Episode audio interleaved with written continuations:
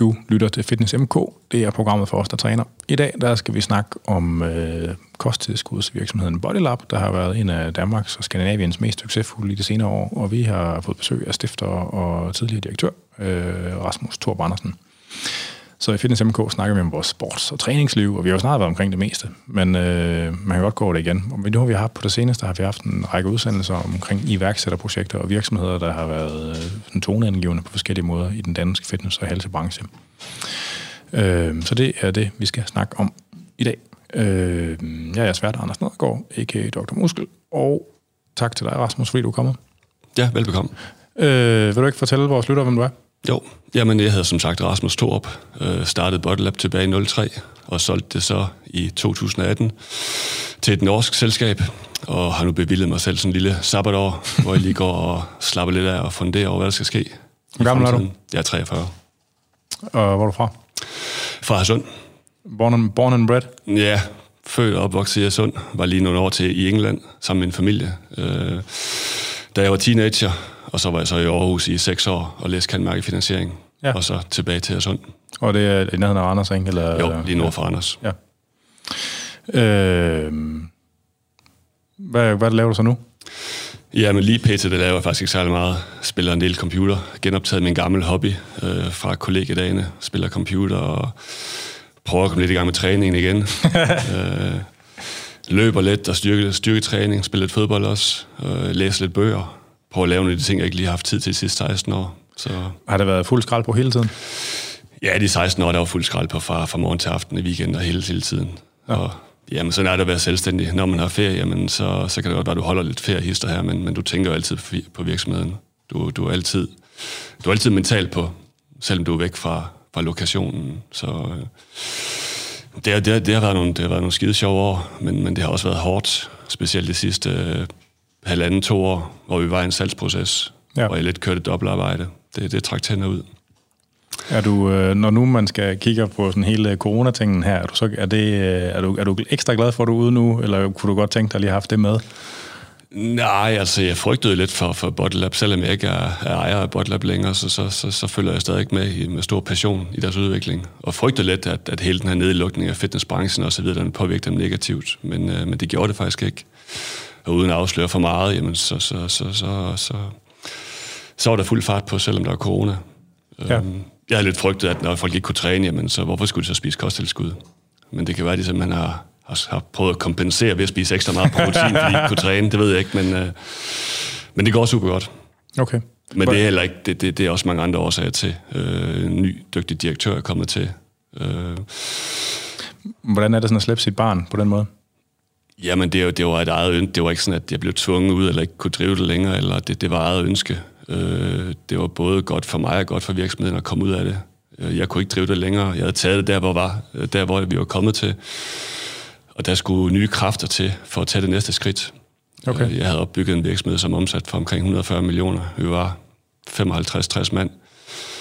Og det var ikke øh, til sidst, der nød jeg ikke at gå på arbejde. Jeg nød ikke at skulle, skulle være direktør og skulle lede så mange mennesker, og, og, og alle de forpligtelser, der fulgte med. Det, det var ikke noget for mig, den rolle. Nå. Jeg er lidt mere den kreative øh, person, der, der, der, der kan lide at sidde inde på mit kontor og sidde og nørde, øh, lave nogle nye produkter i samarbejde med mine kolleger, lave lidt marketing og så videre. Ja. Jeg er ikke sådan en all-around leder, der interesserer mig bredt for, for ledelse og, Nej. og, og de forskellige områder i en virksomhed. Så bede mig om at sidde og lave likviditetsbudgetter, eller strategiplaner til en bestyrelse osv., det, det dør jeg i. Nå. Ja, det, det, det følger jo med, hvis man skal være i den stolte virksomhed. Det er Specielt når du, når du er blevet solgt til, til, en, til en kapitalfonds lignende virksomhed, jamen så, så skal du rapportere månedligt, og du skal lave likviditetsbudgetter til banken, og, og generelle strategiplaner, og rapportering, og business cases, der skal godkendes på bestyrelsesniveau, før du får lov at bruge øh, flere tusind kroner på forskellige tiltag. Så, så det er en helt ny virkelighed, man, man kommer ind i, Ja. når man sælger sin virksomhed. Ja. Så det var ikke, det var ikke mig. Nej. Nu er du ude i hvert fald. Ja. ja, nu er jeg så stoppet helt. Jeg var direktør i et stykke tid, efter jeg solgte den. Ja. Ja. Og så var jeg rådgiver i et stykke tid også. Og så her i øh, foråret øh, 20, der stoppede jeg så helt. Ja. Så passer det meget godt med corona, hvis du har samlet computerspil op igen. Altså, ja, lige præcis. så kunne man med god, god samvittighed sidde og nørde computerspil. ja, ja. Fedt. Tak fordi du er kommet i hvert fald. Velbekomme. Øh, altså jer, der lytter med, der er det selvfølgelig Fitness MK, og I skal være meget velkommen til at skrive ind et spørgsmål, og det kan man gøre på afn eller på programmets Facebook eller Instagram sider.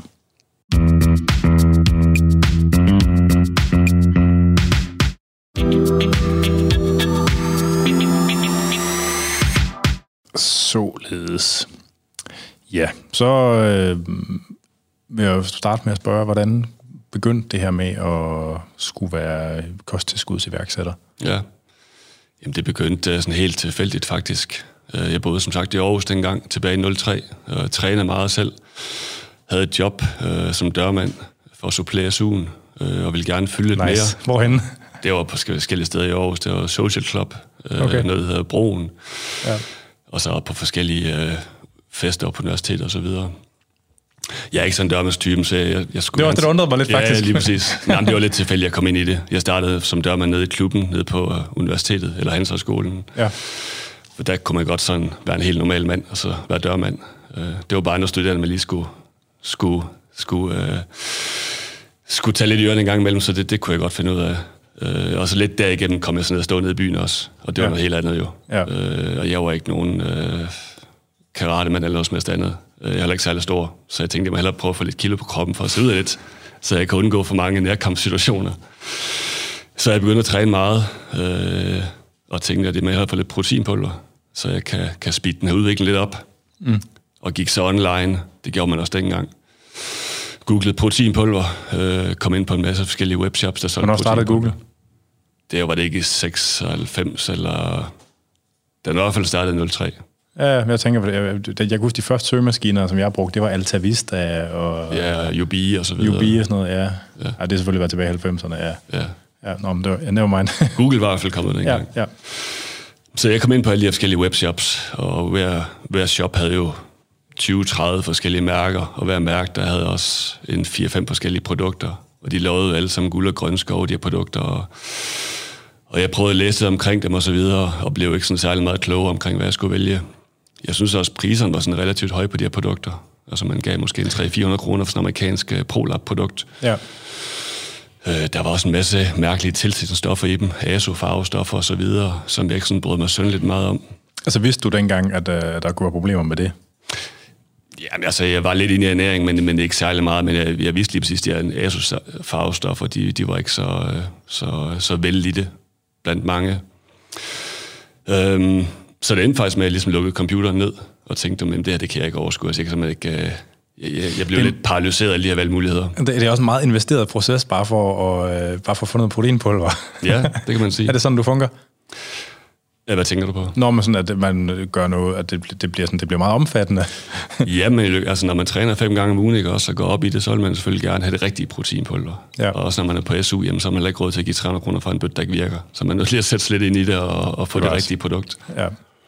Hvad med, hvor træner du hen? Jamen, jeg trænede på vores egen lille motionscenter Nå, jo. kollega Er nede det- på Skjoldhøj. Ja, ja. Der boede 1000 mennesker. Vi havde eget kollega, eller vi havde eget øh, motionscenter, egen brus og egen børnehave og dagpleje og bare og alt muligt andet. Ja. Det var sådan et helt lille samfund. Ja, med det er stort kollega. Ja, det er det. Ja. Skide sjovt at bo dernede også. ja. Så jeg tænkte egentlig, at altså, hvis sådan en, en ganske almindelig medium intelligent mand som mig ikke kan ud af at købe protein på online, jamen, så må der være mange andre, der sidder lidt i samme situation. Mm. Øh, så jeg tænkte, der må være et eller andet marked for at lave et eller andet no bullshit, højkvalitets proteinpulver, produceret i Danmark. Så, så det, du beskriver der, var det 01 eller 02? Eller... 03. 03. Det var efter, eller det var omkring 0, ja, 03 var det, for jeg lancerede produktet i slutningen af 03. Og det går stærkt så. Men studerede Ja. du stadigvæk der, eller var du stadigvæk? Ja, ja, jeg studerede stadigvæk. Okay, ja. Det var sådan lige i slutningen af kantmærken. Øhm, så det var min tanke, at der måtte være et eller andet marked for det her. Øhm, så jeg begyndte at google. Igen, jeg, jeg endte ikke noget som noget, noget som helst. Øh, jeg havde ingen uh, indsigt i uh, proteinpulver eller salg på, på nettet eller noget som helst andet. Så jeg, jeg gik bare til Google og begyndte at google proteinpulver og læste bag på etiketterne osv. Fandt ud af, at det her proteinpulver stammede øh, oftest fra mejerierne gennem det her VPC eller VPI, altså det her valleproteinkoncentrat Ja. eller isolat. Så jeg tog kontakt til forskellige mejerier, herunder Arla for eksempel også. Øh, dengang tilbage i 03 var det ikke særlig udviklet proteinpulver. Altså dengang smed man stadigvæk det, det væk og kørte ud på markedet og spredte det som gylde. Øh, men altså det jo startede som et restprodukt i virkeligheden? Ja, det gjorde det jo. Fra øh, og der var, ikke, der var ikke særlig mange, der faktisk forarbejdede det tilbage i 03. Det var sådan lige i starten af den her ære. Øh, og Arla havde faktisk ikke et produkt dengang. Øh, Nå. Så jeg skrev rundt til en hel masse forskellige virksomheder i hele verden, som jeg googlede mig frem til, altså mejerier. Og jeg skrev jo fra en, en, en kollega-adresse og en hotmail, så der var faktisk ikke så mange, der, der overhovedet gad at svare mig, at tog mig seriøst. Men jeg fik kontakt af sådan en lille familieejet amerikansk øh, mejeri, som godt ville sælge mig en, en palle proteinpulver, selvom det jo ikke var noget som helst for dem. De solgte jo kun fuld container. Ja. Og øh, så fik jeg nogle prøver for dem. Jeg købte nogle smagstoffer fra Daniscoa, øh, og lidt, lidt rød bedefarve fra Christian Hansen, og så stod jeg med kollegekøkkenet og prøvede at mixe det sammen til noget, der kunne, kunne, kunne drikkes. Men det lykkedes mig ikke. Jeg kunne simpelthen ikke, jo mere øh, aroma jeg puttede i, jo, jo mere mærkeligt smagte det. Ja. Det smagte i hvert fald ikke af jordbær. øh, men det her med amerikanske mejeri, de havde også sådan et application department, som hjalp sådan nogle små iværksættere som mig med at udvikle recepturer. Hvad var det for et mejeri? De hed uh, Davisco Foods. Ja. Det hed det ikke længere. Tror jeg, de blev opkøbt siden hen. Der er stadig noget, der hedder Davisco i hvert fald. okay. kan jeg huske, jeg var det kan være, de eksisterer stadigvæk. Dem har jeg været i kontakt med i forbindelse med et eller andet. Hvad fanden kan det være? Nå, ja, det er... Ja, ja. Ja, sjovt. Men de havde sådan en lille application department, som kunne hjælpe med smagstilsæt. Spørgsmål. Er der noget som helst dansk i den virksomhed? Når det, ikke, når ikke det hedder noget med da? Altså sådan, det Nej, være, det er det ikke. Det er, et, øh, det er et lille amerikansk øh, mejeri, så det er der ikke noget dansk overhovedet. Nej, lille okay. familieejet.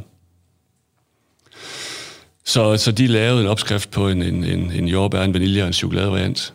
Og så øh, købte jeg de her forskellige ingredienser hjem, og købte en palle valleprotein hjem, og købte nogle spand hjem fra Superfos. Og jeg boede så sammen med en kammerat, der var tekststuderende, det er stadigvæk, på, vi er stadigvæk kollegaet, vi snakker Ja, vi er stadig kollegaer. jeg, jeg havde ingen penge, jo. Jeg, jeg, jeg levede af en SU og sådan noget. Jeg havde sparet en lille smule op gennem en SU-lån. Hvor, hvor har man en palle protein til at stå hen, når man bor på? Ja, jamen, den kom ikke hjem til mig, eller den kom hjem til mine forældre. Oh, okay. Eller den kom faktisk først til en lønproducent på Sjælland, som, øh, som endte med at blande det. I starten havde jeg ikke en egen maskine til at blande det med. Åh, oh, nej. Så der fik jeg simpelthen blandet det på Sjælland, på en lønpakkeri. Øh, og fik, øh, fik som sagt min kammerat til at, til at tegne en etiket. Øh, det lignede ikke noget, der var særlig, særlig godt for at sige det pænt dengang. Men tilbage i 03, jamen, der var der ikke særlig meget online, der lignede, særlig, der lignede noget, der var særlig pænt, så, så man nej, kunne slippe afsted med meget. Ja. Heldigvis. Så som sagt, jamen, så fik jeg blandet de her første... Det var rent protein på dengang jo.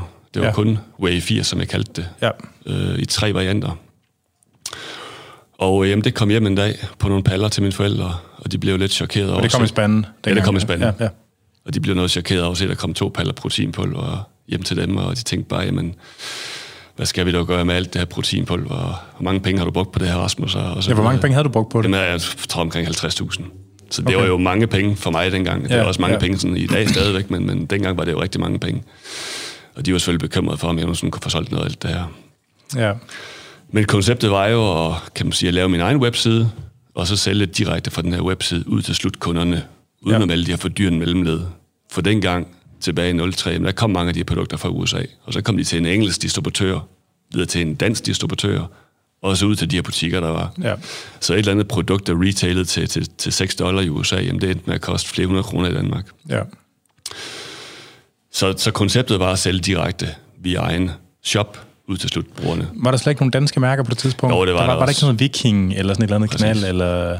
Jeg blev meget inspireret af Viking faktisk. Okay. Både på, på produktsiden, øh, men også på hele deres, øh, deres forumdel. De havde jo det her Get Big forum, var det dem? Nå, gud, ja. det er sgu da rigtigt, ja. Hvor der var artikler, kostplaner og alle de her ting ind, øh, og masser af aktivitet på deres For, debat. forfærdelig forum, altså sådan på mange måder. Men, ja, men det var, jeg synes jo, det var et fantastisk koncept, det der med, at man, man indfangede alle de her tusindvis af nybegyndere, som ikke anede noget omkring træning og kost og alt det her, og så gav man dem kostplan og træningsprogrammer og alt muligt andet, og stillede et, et forum til rådighed, hvor de kunne diskutere kost og ernæring og proteinpulver og alt muligt andet.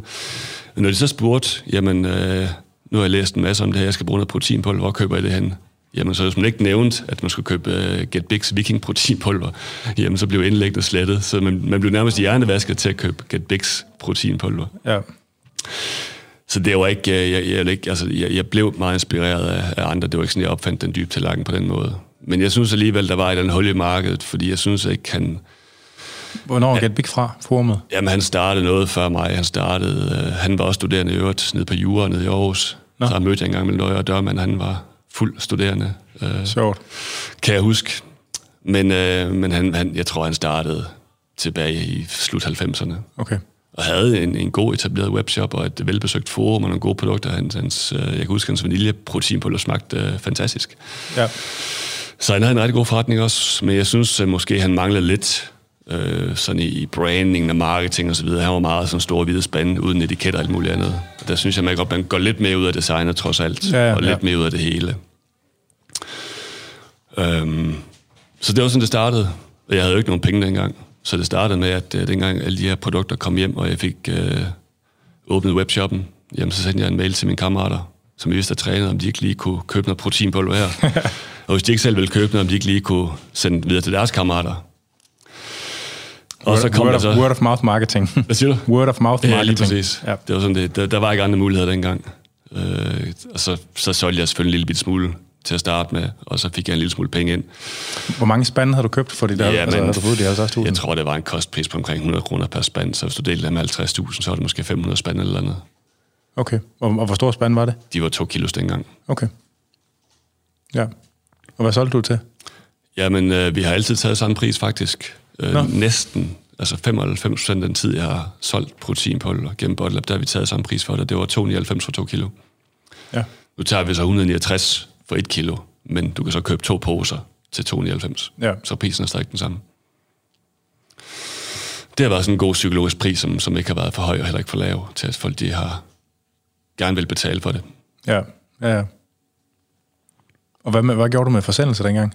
Det var bare Post Danmark. Altså, jeg havde lag i min, mine forældres øh, kælder, og jeg boede i Aarhus stadig på et tidspunkt der, nede på, på kollega stadigvæk. Så mine forældre, jamen, de, øh, min mor, hun passede kundeservice-telefonen på alle tider af døgnet. Det gjorde hun faktisk stadig indtil for få år siden. Øh, Nice. Det er Rasmus' mor. Jamen, nej, det, det, må, det må du ikke sige, fordi hvis hun sagde det, så synes jeg, det, det, det, det devaluerede lidt professionalisme Ja, firmaet, ja, ja. hvis hun sagde sådan noget. Så hver gang hun kom til at sige sådan noget, at hun var min mor eller andet, så sagde jeg, nej, nej, nej, det må du ikke sige noget omkring. Det er ret sjovt, faktisk. Det var, det, det synes jeg var for uprofessionelt. Men hun tog telefonen, øh, jamen det var selv jul, hvis den ringede juleaften, øh, hvis den ringede om aftenen, altså hun tog den altid. Fordi jeg, vi havde lidt sådan, du ved, jamen, hvis der sidder en kunde klar med, med 300 kroner på den kortet til at købe en spand proteinpulver. Ja. Gav du Jamen, hende så- telefonen til, altså til det formål? Så, eller Jamen hun havde en mobiltelefon. Okay, nå, men det går, du havde en separat, du, det er hun også. Bodylab-telefonen. Det havde hun også. Ja. Men det tror jeg også, det er sådan noget, der er kendetegnet. Altså det, min, min, min til, hvis jeg skal rose mig selv lidt, min tilgang til det. Altså, jeg har altid sat en ære i at svare alle, også, altså også den dag i dag. Altså hvis der er nogen, der skriver til mig eller kontakter mig om et eller andet, jamen, de får et svar. Fordi jeg selv kan huske tilbage til dengang, jeg skulle starte, og hvor alle de her mejerier, de ikke gad at svare mig. ja. Øh, så synes jeg lidt, at, at, at folk fortjener et svar. Men også men kunder, der sidder og er parat til at bestille, jamen, hvorfor skulle de kun kunne ringe ind mellem 8 og 16? Altså, det, det, det, meget, meget Ja, ja, handel ligger jo mellem, mellem, mellem klokken, klokken 7 og klokken 11 om aftenen. ja. Så hvorfor nu skulle dagen ikke tage telefonen? Ja, lige præcis. Ja. Eller i arbejdstiden, for den sags skyld. Jo, jo. Øhm, hvor, hvor lang tid tog det at få solgt de der paller? Ja, men det, det kan jeg ikke huske. Men, men, men, men, men allerede i 2004, som var året efter jeg startede, jamen der solgte jeg, havde jeg en omsætning på omkring 4-5 millioner kroner. Så det, det gik sådan relativt hurtigt. Øh, Så det har været få måneder, antager jeg så, eller hvad? Ja, det, det, det gik hurtigt. Altså, det, det, det, altså, i al beskedenhed, så, så var det et godt produkt. Altså, folk fik et godt produkt til en fornuftig pris. Og, ja. øhm, og vi gjorde meget ud af også, som, som, som jeg siger, kundeservice, hurtig levering. Jamen, hvis der kom en ordre ind klokken 10 minutter 5, jamen, øh, så printede min far ordren ud, gik ned og pakkede den, og min mor cyklede posthuset med den. Så, så vi gjorde alt for ligesom at overraske folk positivt, og, og havde også et godt produkt. Og, Hvordan fik du forældre, altså den, hvad kan man sige, hvornår begyndte de at få løn, eller... eller De har aldrig eller var de, eller, Seriøst? Ja. Jamen, de var, de var sådan lidt frivilligt pensioneret i en tidlig alder. Okay. Og øh, synes jo, at, at de vil ja. gerne hjælpe mig. Ja, Ja, vil ja. gerne hjælpe deres søn med at få succes med et eller andet. Jeg var nok også bare nervøs for, om jeg sådan kunne få solgt de her produkter. Så det var nok også lidt, øh, lidt mere drevet af nervøsitet over mit, mit, mit iværksættereventyr, end det var af lyst til at måske pakke pakker. Men øh, Ja. Men så, der, så der er ikke gået mere end et halvt, et halvt til et helt år før, det var en rigtig bæks. Altså sådan, Nå, men det var det ikke. Jeg kunne ikke trække en masse løn ud, fordi at, at kan man sige, selvom jeg er omsat for, for, for, for måske 4 millioner det første år, eller allerede i, i året efter, jamen, så kan man sige, så var der også en, en god nok bundlinje, men alt likviditeten blev suget ind i, i varelager og nye produkter osv. ja. Ja. Men jeg var jo også vant til at leve på en SU, så det, det, det gjorde jeg sådan set de grove træk i, i flere år, de første år. Nå, hvis man lever på en måde, hvor man øh, er gift med sin virksomhed, så kan man jo også trække temmelig mange ting fra, kan man sige. Ja, ja. hvis man er på arbejde fra klokken 7 om morgenen. Men, ja, Nå, jeg mener, hvis man er på arbejde fra klokken 7 om morgenen til klokken 12 om aftenen, altså, øh, Selvfølgelig. Så, så er alt, hvad man bruger, det kan jo i princippet være... Men man kan også sige, når man sidder så mange timer og arbejder, så har man ikke særlig meget tid til at, at bruge penge, så, nej, nej. så det går lidt hånd i hånd. Hvad med Fødevarestyrelsen og alt sådan noget formalia, sådan noget knald? Fordi de er jo nogle, øh, kan godt være nogle kar i sataner, altså... Ja, men det kan, det, det kan du have meget, meget ret i. Og det var også, øh, kan man sige, at jeg bandede Fødevarestyrelsen langt væk i mange, mange år. Og de var jo virkelig, virkelig efter os alle sammen i branchen. De var jo, øh, de gik ned i alle detaljer. Altså alle detaljer. Og jeg synes, de stillede alle mulige urimelige krav. Og øh, det har været min, min største fjende, vil jeg nærmest kalde dem, øh, med alt respekt for dem. De gør jo bare deres arbejde, men, men det var ligesom min store skræk, det var, når de kom og skulle gennemgå alt, for de gennemgik alt med en tættekammer. Man kan ikke undgå at lave fejl, selvom du virkelig, virkelig nej, nej. Øh, gør alt, hvad du kan for ikke at lave fejl. Men på den anden side, så er jeg så også efterrationaliseret mig frem til, at, at faktisk så, så var de måske også på en eller anden måde en af mine, mine rigtig alli- gode allierede.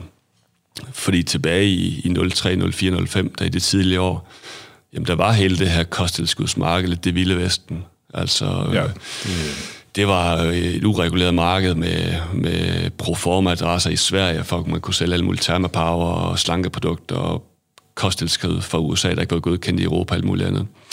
Og det slog de jo meget, meget hårdt ned på, og virkelig jagtede alle de her butikker, og fik mange af dem lukket, og Sport, og jagtede de ud af landet, og, og alle de her... Så, så nu er de ikke kun på formadresser i Sverige, nu er de i Sverige. ja, lige præcis. Det er sådan, det fungerer. Jeg tror faktisk, de lukkede til allersidst, men... øh, men selvom de var en modspiller mod mig på, på mange måder, jamen, så hjalp de også til at udrydde meget konkurrencen, øh, groft sagt. Så ja. det, det, de endte faktisk med at, at gøre det godt for mig. Ja. Men altså, da du åbnede alt det der, var du, altså, var du bevidst om alt det der fødevareregulatoriske, noget, der sådan skulle være på plads, eller begyndte du bare at sælge det, eller sådan, altså... Altså, jeg gjorde selvfølgelig et eller andet stykke hjemmearbejde, for jeg vidste jo godt, at, at når man havde med fødevare at gøre, så kunne du ikke bare, bare sådan starte uden noget som helst jo. Øh, så jeg var også på fødevarehygiejnekurser, så alt det her, man skal. Øh, og ja, men, det, men det, det var igen bare at sætte sig ned og google og, og prøve at finde frem til de her regler. Og jeg lavede selvfølgelig også fejl i starten. Ja, ja. Jeg synes, altså, jeg, jeg ved jo ikke, hvordan det var dengang, men jeg synes nu, at de er ret gode til at informere om, hvad det, altså Fødevarestyrelsen, hvis man gerne vil til at lave kosteskud, hvad for nogle regler der er. Altså, det, det er faktisk blevet ret brugervenligt, synes jeg. Det er ikke mit indtryk. Jeg synes, at øh, du kan ikke rigtig søge rådgivning hos dem. Altså hvis, selv, selv i det sidste år i Bottlab, jamen, hvis vi ringede og sagde, at vi, vi har den her idé, eller den her, vi har det her spørgsmål, hvad siger I til det, eller kan I komme ud og vejlede os, eller, eller kan I vejlede os, eller det, det synes jeg ikke, de var gode til. Jeg ja. synes, de var mere, at nej, det, I må prøve at læse de, de øh, vejledninger og forordninger, der er, og så kom de og slog os i hovedet bagefter, hvis vi ikke har gjort det rigtigt. De har jo det der kosttilskudsgruppen. De. Så hvis man får fat i dem, i stedet for dem, der sidder uden for Fødevarestyrelsen, så er alle ting det er meget bedre. det er min oplevelse. ja. Men jeg har selvfølgelig ikke været, øh, været der stået på mål for at tænke på samme måde overhovedet, som du har. Nej. Øhm, så, hvad hedder det, med, med parallel til Viking og Get Baking, så var sammen med Bodyman, så lavede I jo... Øh, nej, nu kommer jeg foran mig selv. Jeg skal spørge om noget andet først. I, sådan, I almindelig iværksætteri, der er der meget at tale om det her med, at du ved første og anden runde finansiering, og man sælger del af sin virksomhed fra for at få skudt nogle penge ind, så man kan ekspandere det hele. Kører de, kører det bootstrappet i, som man siger i iværksætterlingo, som man gør det med sin egen penge, eller fik I penge ind tidligt? Eller du penge? Eller? Nej, altså kan man sige, dengang kendte jeg nærmest ikke til de muligheder. Altså, jeg det burde jeg måske godt kvæme uddannelse, men det var ikke noget, det, det var ikke noget jeg faktisk havde tænkt over eller overvejet. Øh, så nej, det var, det var helt bootstrap, så meget det overhovedet kan være. Altså, det var alt, hvad jeg tjente, det blev genfinansieret, og havde måske en lille kasse i banken også, men der var ikke, øh, det har jeg aldrig brugt. Altså, det har jeg aldrig brugt. Og det var så også sådan, at allerede efter to, tre, fire år, jamen, så begyndte jeg også at tjene gode penge ved det her. Ja. Øh, så, jeg, så jeg var selvfinansierende. Altså, jeg har aldrig stået på nær måske lige det første år eller to, har jeg aldrig stået i en situation, hvor jeg, hvor jeg skulle efterspørge kapital. Ja. Jeg har aldrig stået med nogle idéer, som jeg ikke kunne eksekvere på øh, mangel på kapital. Okay. Og det er jo, og det er jo virkelig sådan en, næsten en sjældenhed sådan i iværksætter øh, sammenhæng, at man, at man får kørt det så, så, så relativt stort, ikke? Øh, uden at jo. få skudt penge ind. Altså man kan så sige, hvis du spørger mig omkring, hvad jeg ville have gjort anderledes, så var det måske netop også det, at jeg ville have gjort anderledes, hvis jeg skulle starte forfra i dag. Fordi selvom jeg selvfølgelig fik etableret en, en, en fornuftig størrelsesvirksomhed og, og også overhalet en del konkurrenter, jamen så, jeg fortryder det ikke, men jeg kunne måske godt se, at der kunne have været et, et større potentiale i Botlab, hvis jeg havde sparket noget mere til den fra starten. Ja.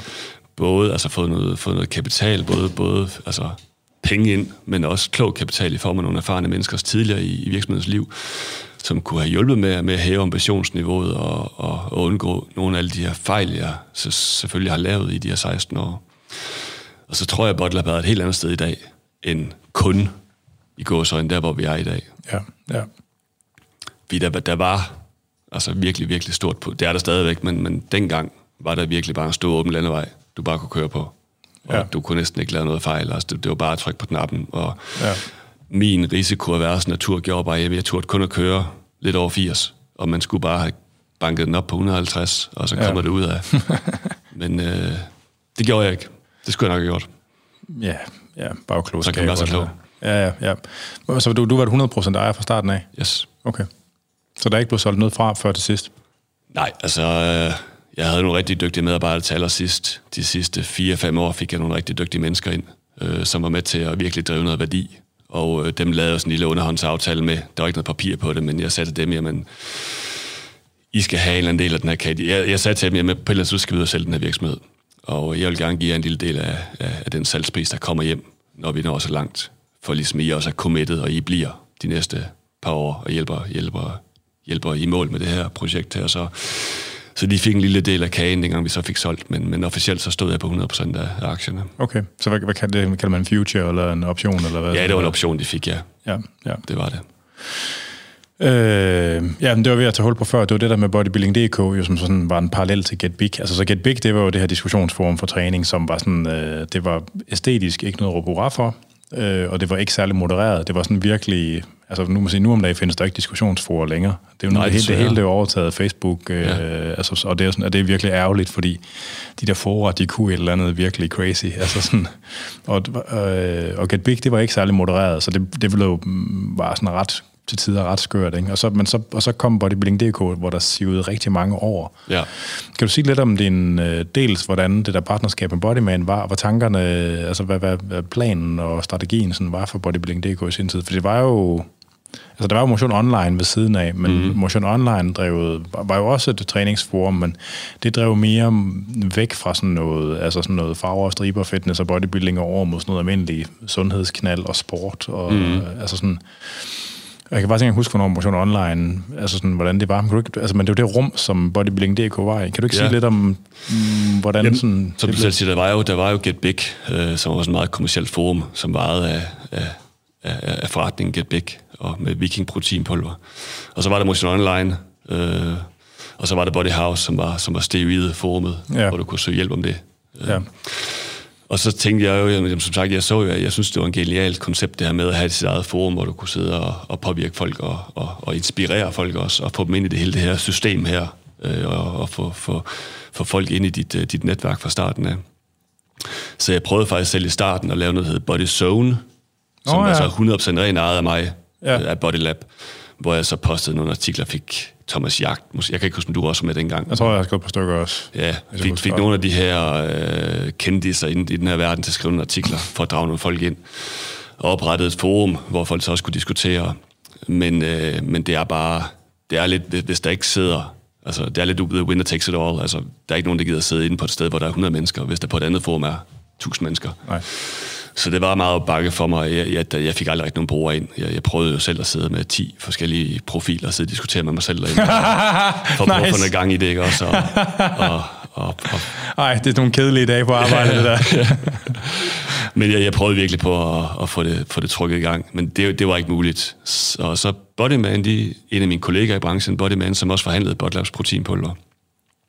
Det var de en tøj, tøj- og fitnessbutik. Ja, ja, de havde også andre brands. Ja de lavede også deres eget forum, som hed Body Forum.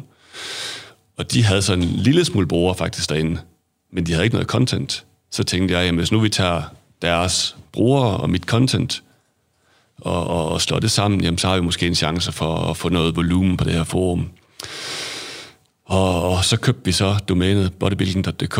Øh, det fik vi til en rigtig god pris. Og, og det var måske en lidt altså vi er jo ikke et bodybuilding brand, så det var måske lidt mærkeligt at købe bodybuilding.dk, men, men der var så meget trafik på det navn, og så meget søgning på det, at, at vi kunne komme meget højt op i, i Google-søgningerne på det her øh, ord. Meget nemt selvfølgelig, kvæg vi ejede øh, websitet. Ja.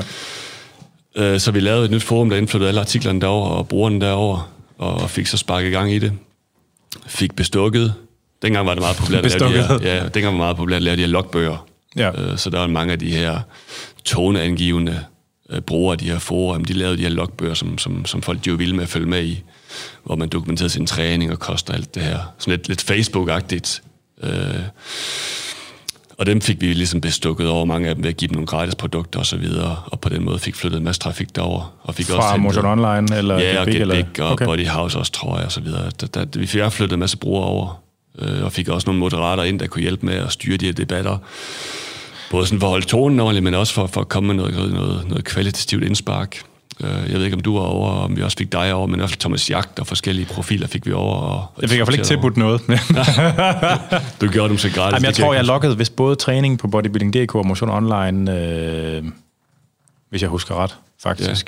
det kan godt passe. Øh, men jeg tænker, altså jeg tænkte, hvad, hvad, hvad var tanken med det fra start af? For, fordi øh, det der med at ligesom have et brand, der får lavet sit eget community på den måde, altså øh, jeg kan sagtens se sådan den kommercielle værdi, men der er jo ikke så været, der er jo ikke sådan været vildt mange eksempler på nogen, der har eksekveret det med succes førhen. Altså, og det at have et forum, det kræver, det kræver virkelig, altså der er der virkelig meget arbejde, der skal laves for det, for det har et liv. Altså sådan, hvor sikker var I på, at der var forretning i det? Altså, fordi jeg tænker, du har jo sikkert også siddet og lavet sådan nogle, altså siddet og regnet på, om det kunne betale sig, og hvor mange folk skulle man gå ind, og hvor mange kan man konvertere og sådan noget. Altså, Ja, bestemt. Og jamen, det, det var lidt min... Altså, det, det, jeg havde ikke siddet og lavet en business case på det, men, men jeg, jeg var bare så fascineret af... Jeg var selv bruger på GetBix Forum, Okay. og kunne bare se, hvordan folk blev fanget ind, og hvordan der sad...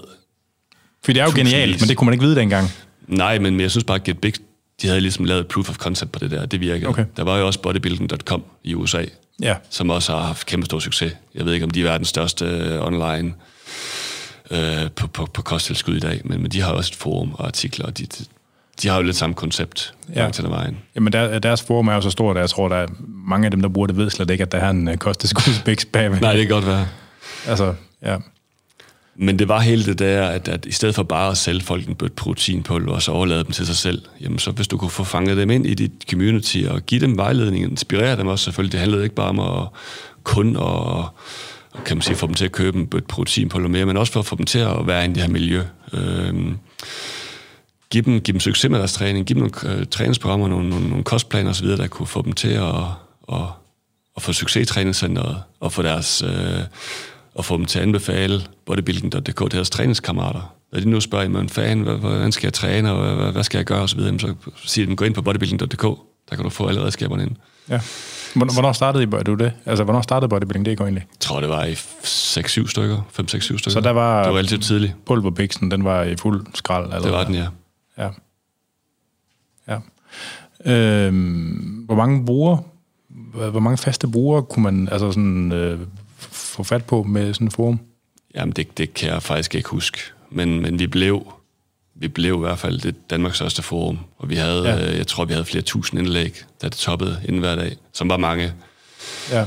Øhm, jeg tænker, fordi- det, som der gør det til noget værd som sådan et forretningskoncept, det er vel alle dem, der kommer ind og kigger med, i højere grad end dem, der laver poster indlæg. Ja, eller hvad? 100 procent. Og der var jo også hele den her SEO-værdi i det jo. Ja. Jamen, vi havde jo dækket stort set alle emner inden for kost og træning og ernæring. Så hvis du gik ind og googlede et eller andet, større arm, eller hvordan skal jeg spise, eller hvordan, hvordan skal jeg træne øh, bicep, eller eller andet, så var der altid en tråd, du ramte ind på Google. Ja, det var før Google førte- straffede forum. Og, Præcis, som førte ind på bodybuilding.dk, så der var jo bare en enorm trafik derinde. ja, Og som så vi fik ledt videre til, til, til henholdsvis Bodyman og Body, Bodylab ja, i bedste, på bedste måde.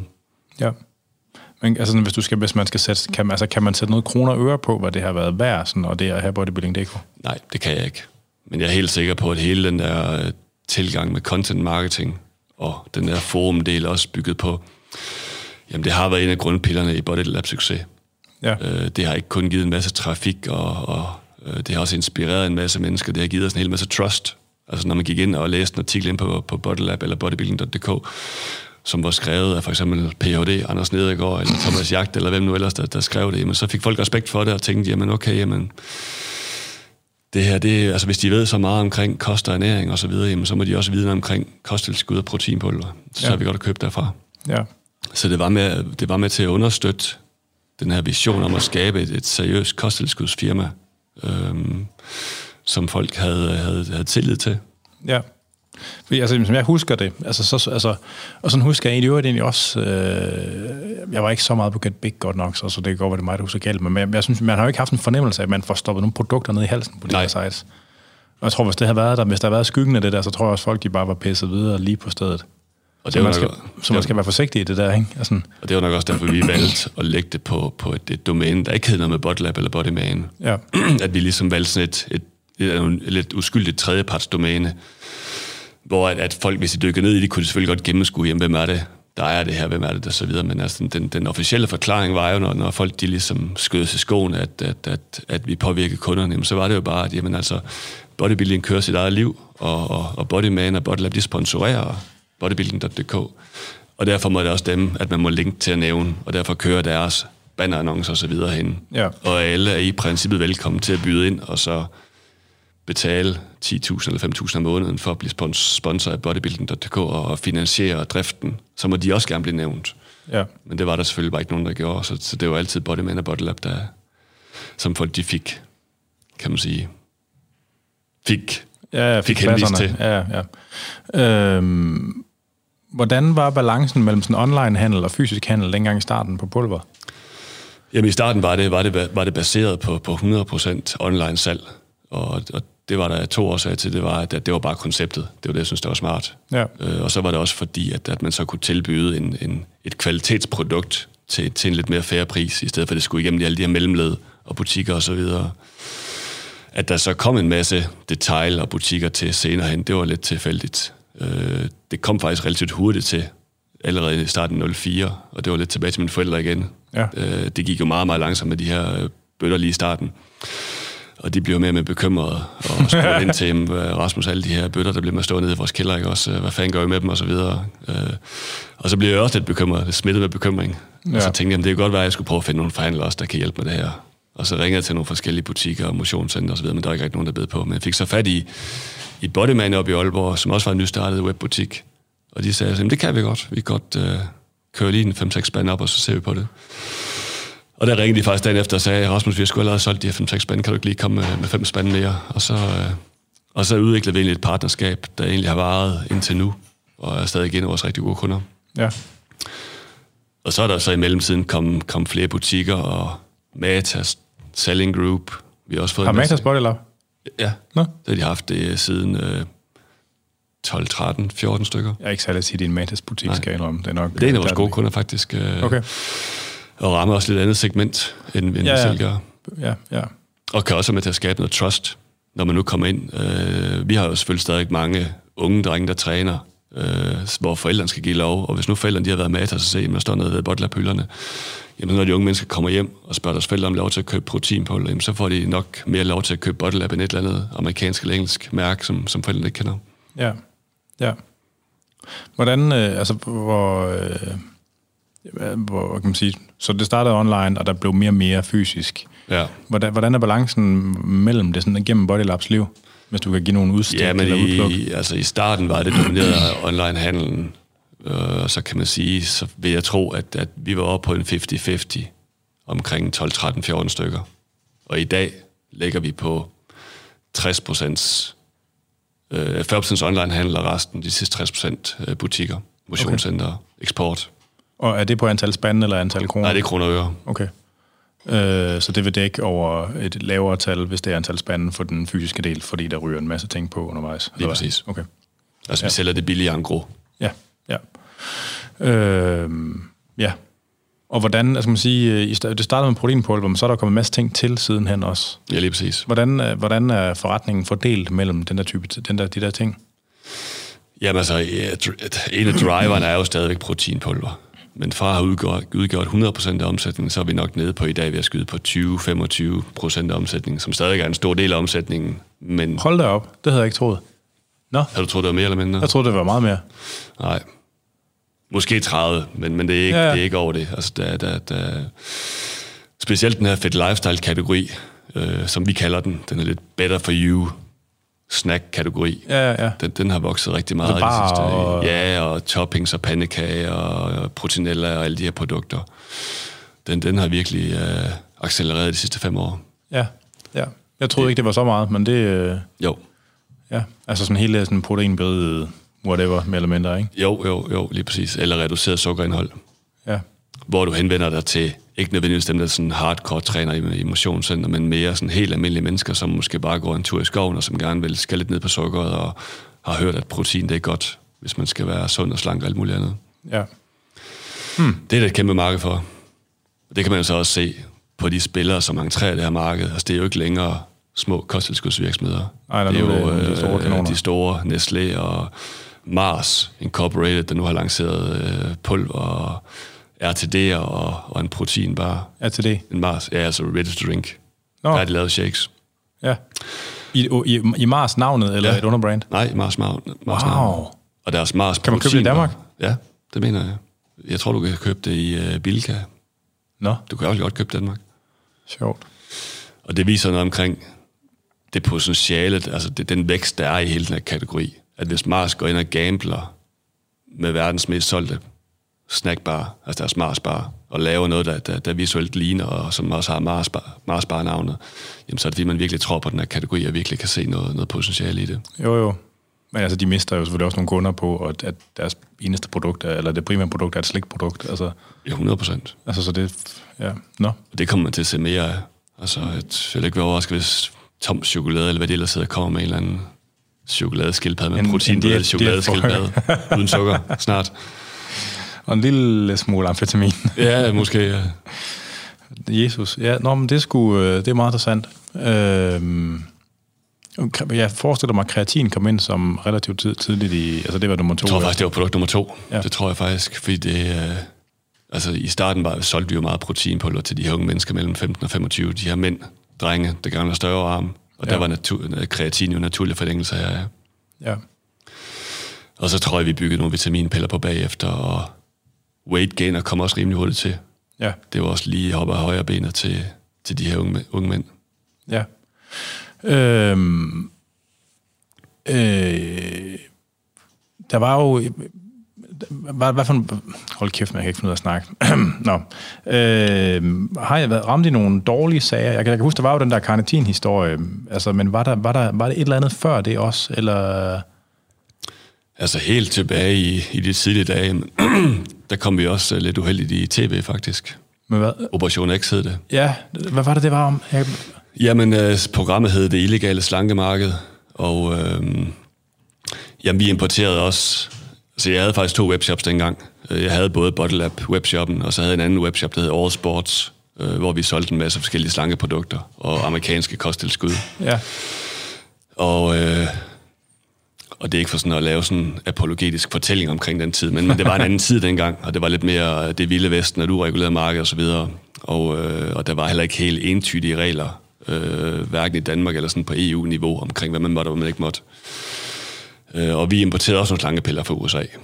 Og, var det sådan noget thermopower Ja, det, det var ikke termopower, det indeholdt heller ikke efedrin og så videre. Øh, det var indeholdt noget synefedrin, tror jeg det Synefrin? hedder. Ja, syn, synefrin Ja, som var sådan et, et, et, et, et produkt udvundet af skallen på appelsiner, så vidt jeg ved. Øh, det var i hvert fald ikke lovligt, fandt vi så senere ud af. Øh, vi solgte det, øh, og, og det kom Operation X så på sporet af. Vi, vi lagde heller ikke en skjul på, at vi solgte det. Øh, det, det stod jo på, på produktet og på hjemmesiden, at, at det var på, på plastvinget 3, det, det foregik. ja. Så folk kunne bare gå ind og kigge øh, derinde. Øhm, men i, hvis man ser programmet, det er så mange, at man kan ikke finde nogen steder den dag i dag, men hvis man ser programmet igen, jamen, så, så ser det lidt ud som om, at, at, at, at, at Operation X ligesom har afsløret, at vi solgte det produkt, og de kommer jo øh, nærmest sådan, du ved, springende ud af en varevogn med, med kamerafolk og, og mikrofonfolk, og jeg står sådan Ja. helt... Jeg anede jo ikke, de kom jo, så man bliver også lidt taget på sengen og ser Ja, ja, ja. selvfølgelig dum ud. Det er også derfor, de gør det jo, derfor man skal se rigtig dum ud. Men Synefrin, det har, været, det har det været lige efter, der var den der periode med det der DMAA og Jack 3D. Har det ikke været det? Jeg kan faktisk ikke huske Der har været sådan, altså for dem, der ikke, øh, for lytterne, der er ikke helt bekendt med den der slags kosttilskud, så har det jo været sådan, at der har været en række forskellige stimulanser, øh, som har været lovlige at bruge i kosttilskud, som så gradvist er blevet gjort. Man har opdaget dem, så er de blevet gjort ulovlige. Og de der thermopower, de indeholdt koffein og efedrin, som er sådan en ret potent øh, kombination, hvis man har lyst til ikke at være sulten og tabe sig, og i øvrigt mm. få øh, alt for høj puls og fingre, der ryster og sådan noget, og ikke have det så rart. Men det er en helt anden historie. Øh, og så blev det ulovligt. mm-hmm. Og så kom der, var der en periode med nogle af de her pre-workout-produkter, øh, hvor, der, hvor, hvor der så kom blandt andet det, det var den her historie med DMA, som er en meget stærk stimulans. Altså det er sådan helt op på den, øh, det er helt op på den øverste hylde af, og så blev det gjort ulovligt. Og så har der været sådan nogle stykker, som man har gjort ulovligt efterhånden, som man har opdaget. Og synef- nu, jeg tror nok, synefrin er det, det er ikke rigtig ulovligt nu, eller hvordan det er. Det er jo sådan noget med, at man må ikke... Øh, man må gerne købe det fra udlandet til egen forbrug, hvis nok. Er det ikke Ja. sådan, det er? Jo. Men man, må ikke, man kan ikke godkende det til salg i Danmark. Er det, kan det ikke passe det sådan, der? Jo, det er det. Ja. Så det er ikke sådan noget, der er helt... Altså, det er nok altså, det er ikke sådan... Det er ikke øh, det er samme størrelsesorden som koffein nok, eller sådan noget, ikke? Ja, altså, det er noget, der bliver solgt helt lovligt i, i stort del af EU, og også USA og så videre, Ja, så det er jo ikke ja. sådan, man falder død om at spise. Så, og, det, og det er vigtigt at huske det der med i Danmark. Man kan godt købe noget i udlandet og få sendt det til sig selv til eget forbrug, som det ikke ville være lovligt at sælge i Danmark. Præcis. Så det er sådan der er lige en vigtig sondring, at bare fordi noget ikke er godkendt til salg i Danmark, så er det ikke det samme som, at det er ulovligt at have eller indtage. Nej, fordi som udgangspunkt så er alt ulovligt til at sælge i Danmark, medmindre du fremlægger dokumentation for, at det er ikke sundhedsskadeligt, og så kan du få lov til det. Ja. Så det kræver, at en eller anden virksomhed investerer penge i og, og, og få sendt sådan en ansøgning afsted til Fødevarestyrelsen og venter et halvt år på at få svar, og så kan du så få lov at sælge det. Ja, ja. Så der er potentielt set en masse produkter og ingredienser ude, ude i verden, som, som bare ikke er lovlige at sælge i Danmark, fordi man ikke har, ikke har lavet arbejde med det. Ja. Altså, jeg ved ikke, men så var der jo det der med den der mærkelige historie. Jeg var selv lidt involveret i noget, altså det der med carnitin og en dansk cykelrytter, som testede positivt for et af de her ulovlige stimulanser, og det var, noget, det var en mærkelig historie. Det var en mærkelig historie, det var. Det var jo øh, et, et angreb på vores DNA i Bottle Lab. Altså, ja, ja. Det, vi, vi, vi, vi var jo et, øh, altså et af vores, en af vores helt unikke selling points, som man kalder det, var jo det her dansk produceret produkt, som vi så garanterede, at det ikke indeholdt dopingstoffer, fordi det var produceret i Danmark, så vi kunne ikke ligesom risikere den der krydskontaminering. Og det var jo en af de store, øh, de store altså en af de ting, der gjorde mange, de, de havde tillid til det og turde købe det, fordi vi, vi kunne garantere de her dopingfri produkter. Ja. Ja. Så dengang jeg så fik det her brev fra Antidoping Danmark om, at de havde fundet, øh, de havde fundet det her dopingstof i produktet, L-carnitin. Jamen, jeg, jeg, jeg troede først, det var en joke i starten. Altså produktet var L-carnitin, Ja, det var produktet Ja. var L-carnitin Ja. for os, som ikke er ulovligt, men, men som så indeholdt spor af det her forbudte stof. ja. Øhm, og det var jo et chok, for at sige det mildt. ja. For jeg tror ikke, det kunne ske. Nej, og det var, det var også noget med, at øh, det var DMHA, var det ikke, eller DMBA, en af de to. Jo, det var det. Det var det, MBA, ja øh, som var et af sådan et, et af de, endnu et af de der ulovlige stimulanser, og der var en person, der var testet positiv for det, en person, der var tilknyttet Team Danmark, og en, der sådan havde meget godt styr på sit shit, og havde registreret alt og gemt bøtter, og øh, du ved, en, der, altså for normalt så har antidopingmyndighedernes syn på sådan nogle sager altid været, at hvis man tester positiv for noget, så er det en. Altså så står man selv på mål for det. Og så har de så valgt at gøre en undtagelse i det her tilfælde, fordi det var en, der sådan havde exceptionelt veldokumenteret kost og kosttilskudsbrug og sådan noget. Øhm, og han var så testet positiv øhm, med en mængde, som var mm, relativt høj i blodet, som ikke rigtig modsvarede den her mængde, der var i kosttilskuddet. Og det er jo noget, det er jo bare super svært. Altså, og jeg ved, i, i litteraturen, i den videnskabelige litteratur, der er der for et, der er der for et lignende stimulans, der er der blevet dokumenteret et eksempel på en person, der tester positivt med meget høje mængder, efter et relativt lille indtag også. Så, der, så der måske er der noget genetisk, at der er nogle bestemte mennesker, ikke? eller eller også har der været en enkelt kapsel, vedkommende har indtaget, der har været særlig meget i af det der, eller et eller andet. Ikke? Men det er jo, kæft, det er svært. Jamen, vi, vi Og kommer man kan, jo, ikke- og man kan jo ikke, i virkeligheden, man kan jo aldrig beskytte sig fuldstændig mod det, der, der sker. Altså, vi kommer aldrig til bund til sagen. Vi, vi testede jo... Der, var, der var jo lavet nogle... Der var udtaget nogle, nogle, nogle, nogle, prøver fra, fra, fra produktionen. Og dem testede vi. Vi testede en masse af de, de glasvede på lag og så videre, og vi kunne simpelthen ikke genskabe det resultat, der var kommet fra Intop i Danmark. Nej, så I fik, I fik lavet uafhængige test Ja, forskellige steder i produktkæden? Altså, ja, lige præcis. Okay. Fra alle mulige forskellige batches, og, og også det, det pågældende batch, som, som han havde indtaget, Ja. ja. og som var testet positivt på, på deres laboratorium. Nå. Både, de tager både en reference, et reference ud fra både startproduktionen og slutproduktionen, og det Okay. okay. testede vi. Begge de ender. Altså referenceprøve, der så bliver Ja, gennem referenceprøve, ja. Ja, okay. Øh, men selvfølgelig kunne der snede sig noget ind. Øh, vi var ikke selv producenter af produktet dengang. Vi, det, det er jo heller ikke i dag. Det, det var outsourced til et svensk firma. Så det er sådan en white label Ja, det var det. Øh, som, som havde godt styr på tingene, følte vi. Ja. Men vi kan selvfølgelig ikke... Er det som hemmeligt, du- hvad for et firma det er? Øh, ja, det er det. Okay. Ja. Men det, det er en stor spiller, som, som leverer rigtig mange produkter til, til, til mange af de spillere, der er i Europa. og, og særligt Danmark og Skandinavien. Ja. Så man, altså man kan sige, hvis de havde haft et generelt problem på deres fabrik i Sverige, jamen Men så havde der været tror- rigtig mange produkter i Danmark og Europa, der var forurenet, så, så, så har de bragt rigtig mange potentielle, eller professionelle sportsfolk i, i fedtefadet potentielt set. Ja, ja. Hvis det er det firma, som jeg tror, det er, så har de altså også nogle flere lidt uheldige sager bag sig, de der svenskere, eller fået det sidenhen også. Okay. Øhm, ja, nå, interessant nok. Ja. Øh, men, der findes jo, der var jo de her antidoping-testprogrammer, Informed Sports mm. i England og øh, Kølnerlisten, som er, som er virksomheder, der laver, der tilbyder certificerings, øh, certificeringsprogrammer til kosttilskudsvirksomheder, hvor, de, hvor man så de tester batches og har deres testrapporter til at ligge, og så kan, så kan kosttilskudsvirksomheden bruge det som et argument for at sige, at man er ekstra dopingfri. Mm-hmm. Overvejede I det i forbindelse med det, eller før det eventuelt også? Altså, Jamen, det overvejede vi også før, og selvfølgelig særligt efter. Men, men fravalgte det, fordi vi mente simpelthen ikke, vi, vi kunne ikke blive ramt af det der. nej, så vi hvad, følte, hvad koster det egentlig? det koster mange penge.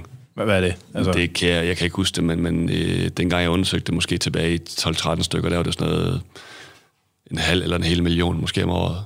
For, Afhænger for, et enkelt, for et enkelt produkt, Nej, eller? på grund, af, på grund af, at vi havde så mange produkter. Okay, Så kunne man selvfølgelig sige, så kunne vi nøjes med at, at, at gøre det på, på proteinpulver og kreatin for eksempel, men øh, ja, vi fravalgte det, fordi vi producerede selv proteinpulveret også dengang, ja. og kunne bare ikke se, hvor den risiko skulle, skulle komme fra på proteinpulveret og kreatin i hvert fald, som vi selv producerede. Nej. Altså, vi proteinpulveret det kom fra mejeriet, ikke også? Og det, var- det Jo, var ikke jo. ligesom omkring nogle suspekte fabrikker på vej herhen. Nej. Nej. Men øh, Nej, og det er jo, øh, altså jeg ved jo, der er nogle kosttilskudsvirksomheder, der har nogle af deres produkter omfattet af de der programmer, så man kan betale 50 kroner mere for, øh, for en version af produktet, som der har været igennem de der testprogrammer. Der har jo faktisk været eksempler på øh, virksomheder, der har været omfattet af testprogrammerne, hvor der har været kontamineringsproblemer alligevel mm. bagefter. Så det er jo så, altså, det æder med med dårligt for forretningsmodellen for de der, der leverer de der til- certificeringsprogrammer. Øhm, Men det er også bare så små mængder, de kan spore. Ja, som, det- som ja. du selv skrev i en artikel, hvor, hvor vi ligesom forsvarede det her. Jamen, som, som du sagde, jamen, altså, det kunne være kommet ind under hjulet på en lastbil og spredt sig i luften. Det var, det var så små mængder. Altså, fordi- det, det kunne nærmest ikke måles. Altså, Fordi man kan, man kan simpelthen måle nogle mængder, der er så fuldstændig hjernedødt forsvindende små, at øh, altså der er beskrevet nogle eksempler sådan i litteraturen på maskiner, som der har leveret kontamineret kosttilskud i, altså i årvis, fordi der har siddet en eller anden lille bitte støvklump et eller andet sted af noget, ikke? så man drysset en lille smule ned i altså en maskine, der blander noget. Ikke? Altså, Ja. og prøv at tænke en gang, at den kan kontaminere det i flere år i træk, bare fordi der drysser en, altså noget fra en lille bitte støvklump et sted. Altså, det er meget sensitivt, det der massespæk. Ja, lige Det, præcis. øh, det er det bare. Øh, når, når, hvad hedder det? Når jeres proteinpulver sidenhen, øh, det, jeg, jeg tænker, at det var jo ikke USA, det var ved med at komme fra. Hvordan, øh, da I begyndte sådan at gøre det i Danmark, hvordan, fun, hvordan fungerede det? Jamen altså, vi havde det her lønpakkeri på Sjælland til at starte med, øh, fordi vi havde jo ikke selv en maskine til, til at lave den her blandeproces, den her emballeringsproces. Men altså, overvejende kom fra USA på, på det første parti, og måske også det næste parti. Men ellers så fandt vi faktisk nogle europæiske leverandører til det. Vi Okay. brugte også Arla i en periode, Okay. og øh, fik så også faktisk købt vores eget blandeudstyr. Det lyder ja. lidt vildt, men det er faktisk bare sådan en stor blandemaskine. Men men en, der både blander og putter det i spanden og sådan Nej, noget? Eller? i starten havde vi ikke. øh, I starten der var det simpelthen bare sådan en stor blandemaskine, og så øh, hældte vi det ud sådan en stor udtømmet kar, og så havde vi sådan en stor øh, skovl. Vi skovlede op i bøtterne, og så håndlukkede bøtterne og satte etiket på. Okay. Men det må man godt det? Ja, ja. Nå. Vi, øh, vi fik øh, lokalerne godkendt som mejerivirksomhed, øh, som var en relativt stor proces okay. På et lille firma som mit, og fik lov til at producere på den måde der. Det måtte man gerne. Ja. Sjovt. Ja. Og, hvor- altså, og, øh, der, jeg har jo selv været involveret i sådan noget med at te- teste kosttilskud, og man kan jo se sådan valleprotein, det er valleprotein mere eller mindre, ikke? Mm. Der kan være lidt forskel i kornstørrelse og, og sådan noget, altså, men hvor mange, altså, øh, hvad, hvad, det, hvad var din oplevelse af det med at skulle finde en leverandør? Altså, fordi det kommer fra, hvad, ganske, ganske få fabrikker rundt omkring i verden, langt det meste af alt det, der bliver Altså, jeg tror, i lavet. Europa, der findes, altså jo, i dag i Europa, der findes 5-6 mejerier, Ja. der leverer 99 procent af alle protein, der, der bliver solgt. Ja, ja. Og Arla, det er så et af dem. Ja, der er Arla Volak og en håndfuld, jeg kan ikke huske alles navne længere, men der er en håndfuld mejerier, Ja. og der får vi alle sammen fra. Ja. Og, og, og har du, altså når nu I, været- I, du siger, at I har brugt flere forskellige, altså hvad har din oplevelse været af det der marked? Øh, jamen, hvad tænker du på? Altså, det er jo meget sådan et spotmarked, altså hvor, hvor kvaliteten stort set er ens mellem de forskellige producenter. Ja, altså man forsøger nogle af dem for eksempel at distancere sig på de andre på en eller anden særlig, eller en eller anden særlig egenskab ved deres produkt? Eller? Nej, altså, der er, der er marginale forskelle mellem de forskellige producenter. Altså, øh, vores kunder er ekstremt sensitive, altså Botlabs kunder. Altså hvis vi skifter til en producent, der har en lidt anden instantiseringsmetode, altså den metode, man bruger for at få produktet til at opløse sig i vand. Ja. Hvis den ikke er 100% lige så god, som det firma, vi plejede at bruge, jamen, så kunne vi godt regne med i indbakken i, i mailen. Der var, der var fyldt med folk, der bare sagde, at det her det, det er slet ikke, hvad jeg plejer at købe. Nej. Så på den måde var vi meget kvalitetsbevidste om, at vi prøvede at holde os til de producenter, vi kendte, og ikke ja. gamble for meget med det. Der kunne også være varianter, eller varianter inden for smagen. Det er jo et biprodukt for osteproduktionen, så hvis, du, du, hvis de producerede en eller anden speciel ost, for eksempel, jamen så vil det smage igennem på produktet, og det vil også smage igennem på vores slutprodukt, selvom vi puttede flavors i og så videre. Jeg troede faktisk, at det valle, der blev brugt til valleprotein, at det var øh, fældet ud med syre, altså uden, uh, inden, altså uafhængig. Jeg troede egentlig, at det ikke, jeg troede egentlig ikke, at det valle, der blev brugt til valleproteinpulver, at det var fra osteproduktion, men at det blev fældet ud kemisk øh, i Nej, det, det kommer altså, for eksempel Volak, som er en af de største i Europa, jamen der ligger, en, øh, der ligger simpelthen en osteproducent lige ved siden af. Okay. Og så har de simpelthen et, et, et, en pipeline, der kører fra, fra, fra osteproducenten over til Volak.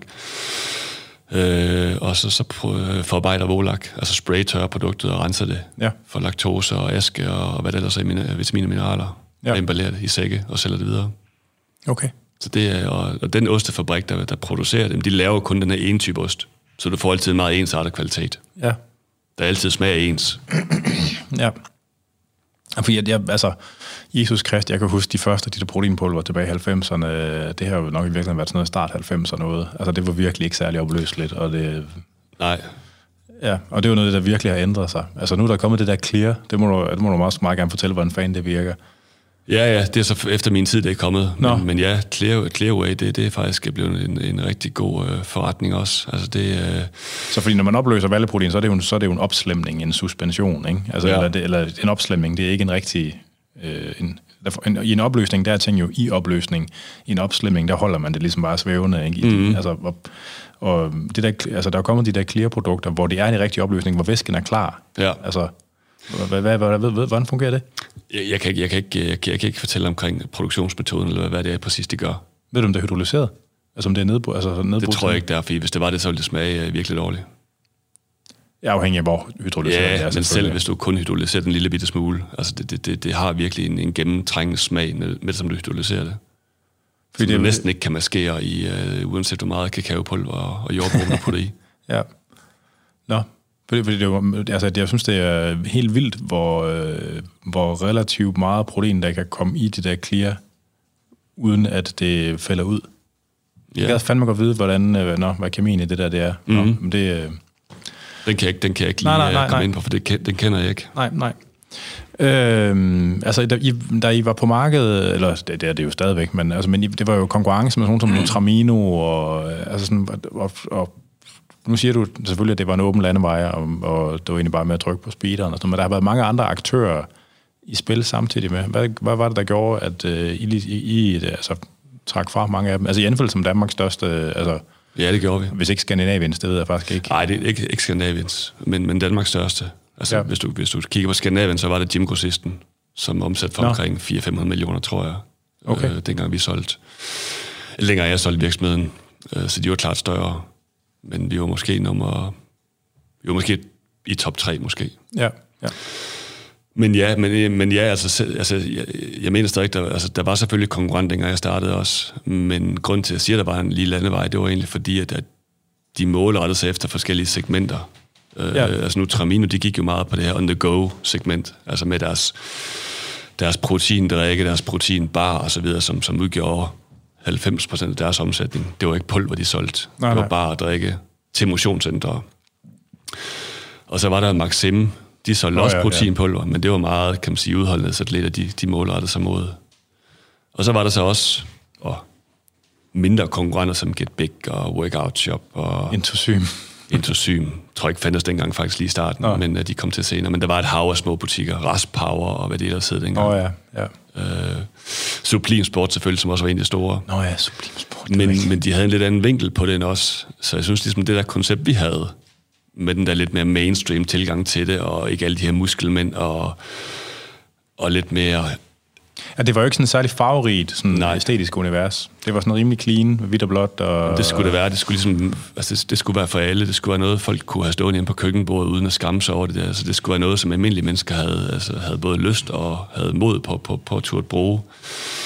Og barnet skulle heller ikke være de her store 100 grams mursten, øh, som man meget solgt dengang med 50 gram protein, som nærmest ikke var til at tykke. Altså det skulle også være de her lidt mere bite-size, lidt lækre protein bare. Så var det bedre, at vi gik ned i, i 20% protein i stedet for 50% protein, ja. for at få en bedre smag. Øhm, jeg vil også bare sige generelt, at smag det er bare ekstremt vigtigt.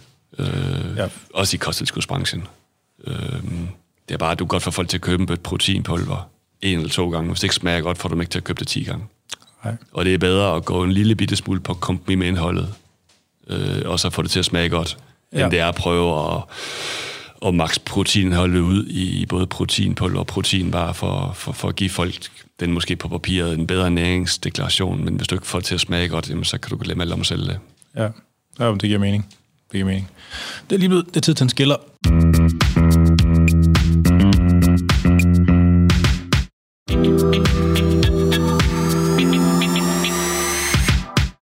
Og så er vi tilbage.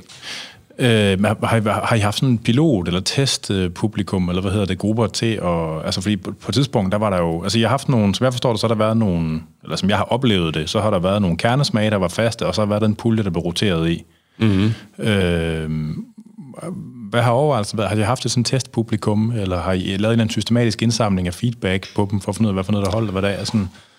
Altså, vi havde ikke noget testpublikum, inden vi lancerede den vi stod selvfølgelig alle sammen på kontoret og smagte det, og blev enige omkring det, det smagte udmærket. Eller barne, som jo også ændrede sig.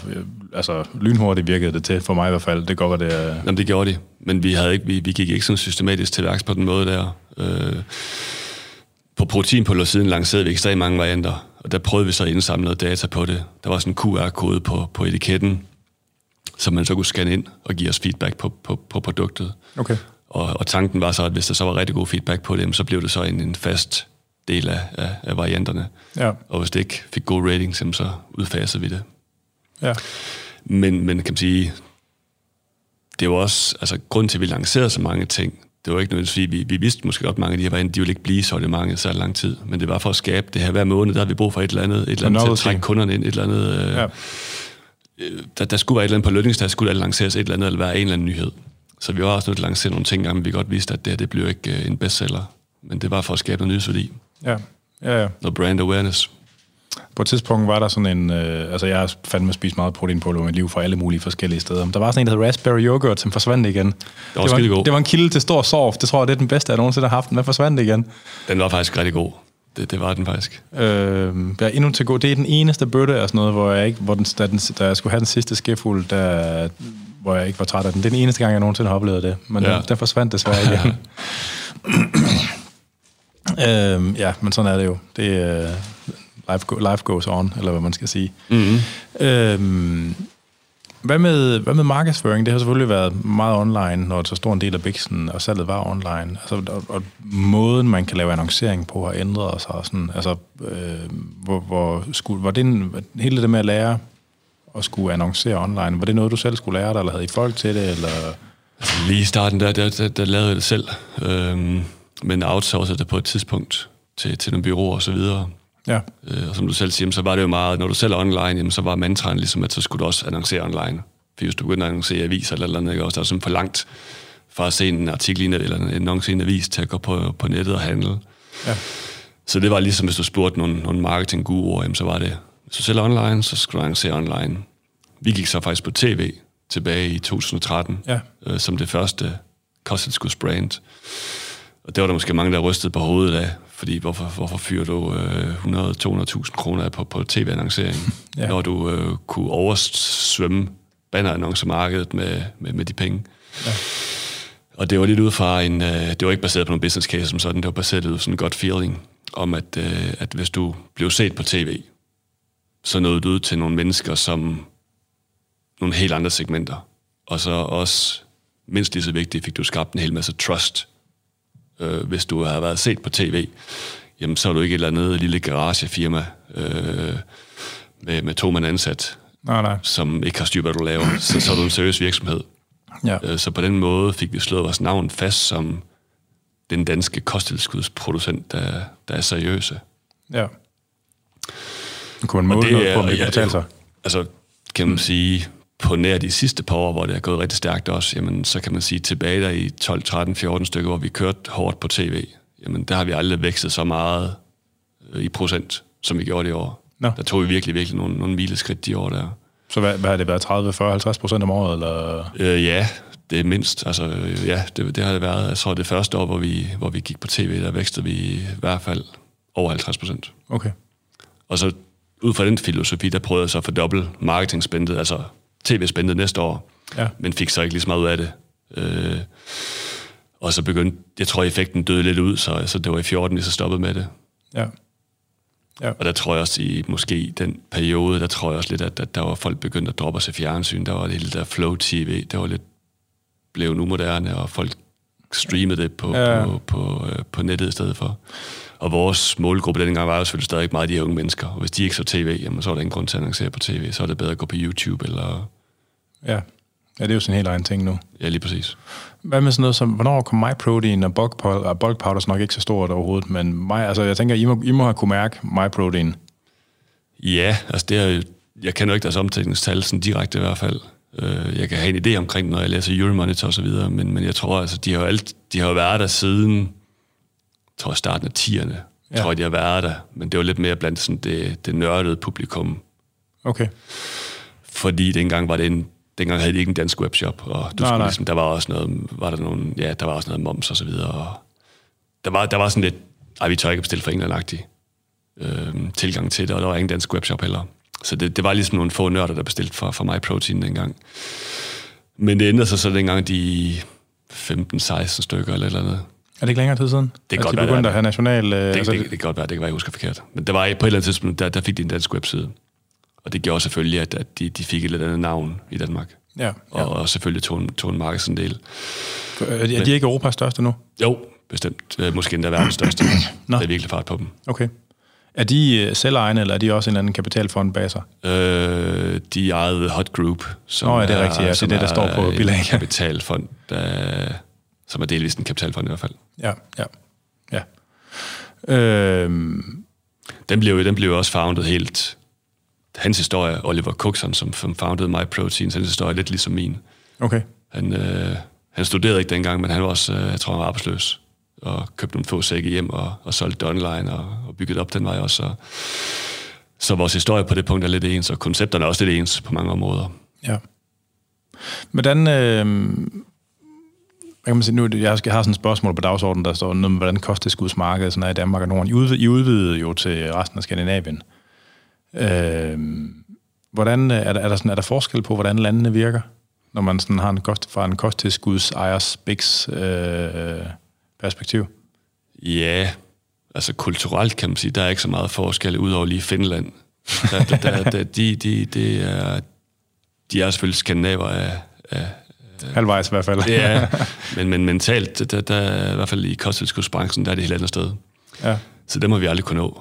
Det, det har vi aldrig haft succes overhovedet. Altså som om, at hvis man kører den samme annonce, øh, så virker den i Danmark, men ikke i. Finland. Vi har aldrig, vi har aldrig kunne sælge noget i Finland. Okay. Lige meget, meget vi har prøvet. Men, og det, men det er der andre, der kan? Ikke, ikke, som jeg kender til, ikke danske virksomheder i hvert fald. Okay. Jeg tror heller ikke, øh, sådan noget som Jim Grossisten er særlig stor succes i Sverige. Nå. Men, men har de, er der finske mærker i stedet for, ved du det? Ja, eller? der er også nogle local heroes deroppe, som jeg tror, folk de køber fra. Okay. Som siger, så er det, det svenske marked, som er kæmpestort. Øh, Både fordi de er flere mennesker i Sverige, men også fordi det er meget mere udviklet i Sverige. Ja. Der er bare en, en, en, en knaldhård konkurrence deroppe, og nogle store lokale virksomheder, Jim Grossisten og Barbells, og der dominerer det marked. Så det er også sindssygt svært at komme ind på. Og Bear Bells, eller hvad hedder det? Det, ja. Ja. er, det er svensk? Ja, det er svensk. Okay. De gør det skide godt. På hele det on-the-go-segment. Ja. Ja. Altså på bar og drikke og hvad det ellers er. Ja. Ja. De er blevet kæmpe store.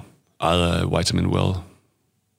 Men de her, hvad hedder det, Self uh, Omni Nutrition, eller hvad hedder det, ja. Er, de- store? De, er, de har deres eget brand, som hedder Self, og så har de en, en private label, som er relativt stor. Okay.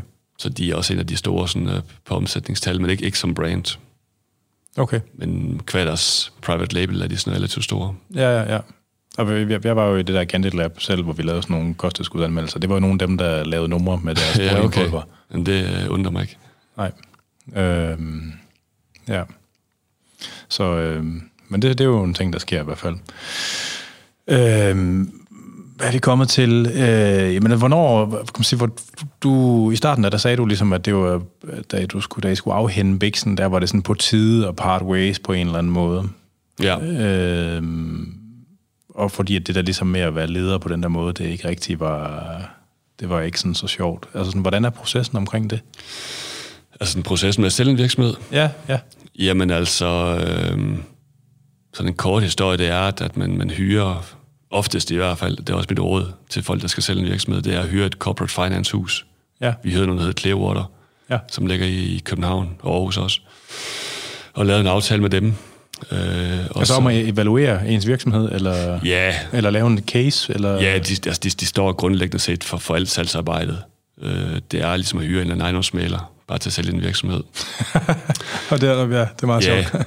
så altså, man, man, man, man burde faktisk hyre sådan nogle i rigtig god tid, fordi at du kan lave en hel masse optimeringer i din virksomhed, men som kræver noget tid at få implementeret. Så egentlig så skal man, altså hvis man skal sælge sin virksomhed, skal man egentlig gå i gang i rigtig god tid.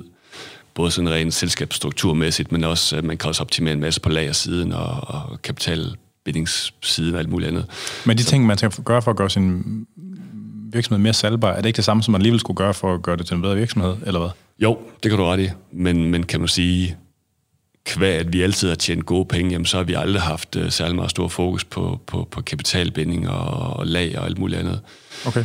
Så kan man sige, jeg kunne have fået flere penge med derfra, hvis det var, at vi havde haft meget mere fokus på det her fra starten af. Så det er Vi kunne reducere vores vejelager en hel masse, og kan man sige, ikke for at gå i for mange detaljer og kæde lytterne, men, men, men bare sådan noget med, vi, vi, vi, vi forudbetalte alle varer fra udlandet. Og, øh, ikke fordi vi ikke var kreditværdige, men som vi havde aldrig sat fokus på det. På sådan et princip, eller... Nej, det var bare fordi, at det forlangte de, medmindre du ligesom tog en dialog med dem om det. Så Ja. forlangte de bare, at hvis du skal have noget protein på herfra, så skal du lige betale jer 2 millioner upfront, og så gjorde vi bare det, og så det tænkte vi ikke over. Så vi manglede ikke penge, vi manglede ikke likviditet. Nej.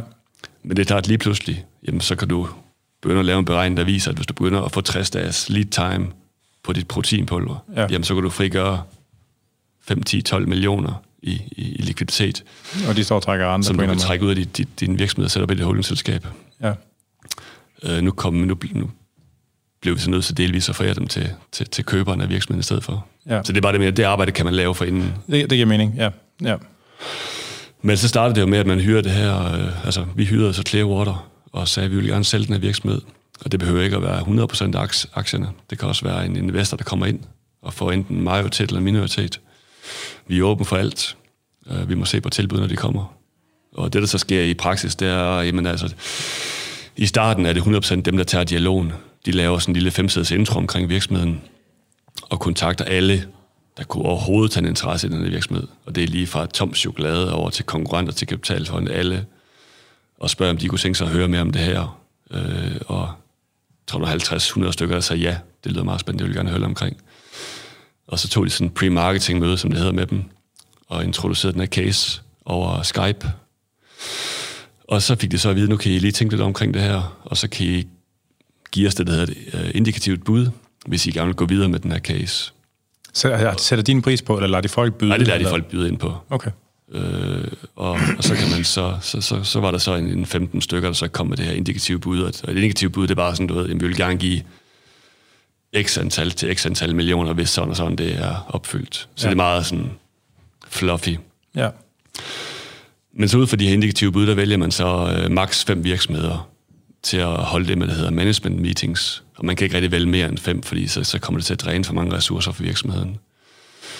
Og, øh, og der møder hele, hele ledelsen, inklusive mig selvfølgelig op, øh, og har sådan en 60-siders powerpoint, man så går igennem på en 4-5 timer, sammen med den her potentielle køber. ja. Og der trækker man ligesom bukserne mere eller mindre af, og fortæller dem... Sig selv.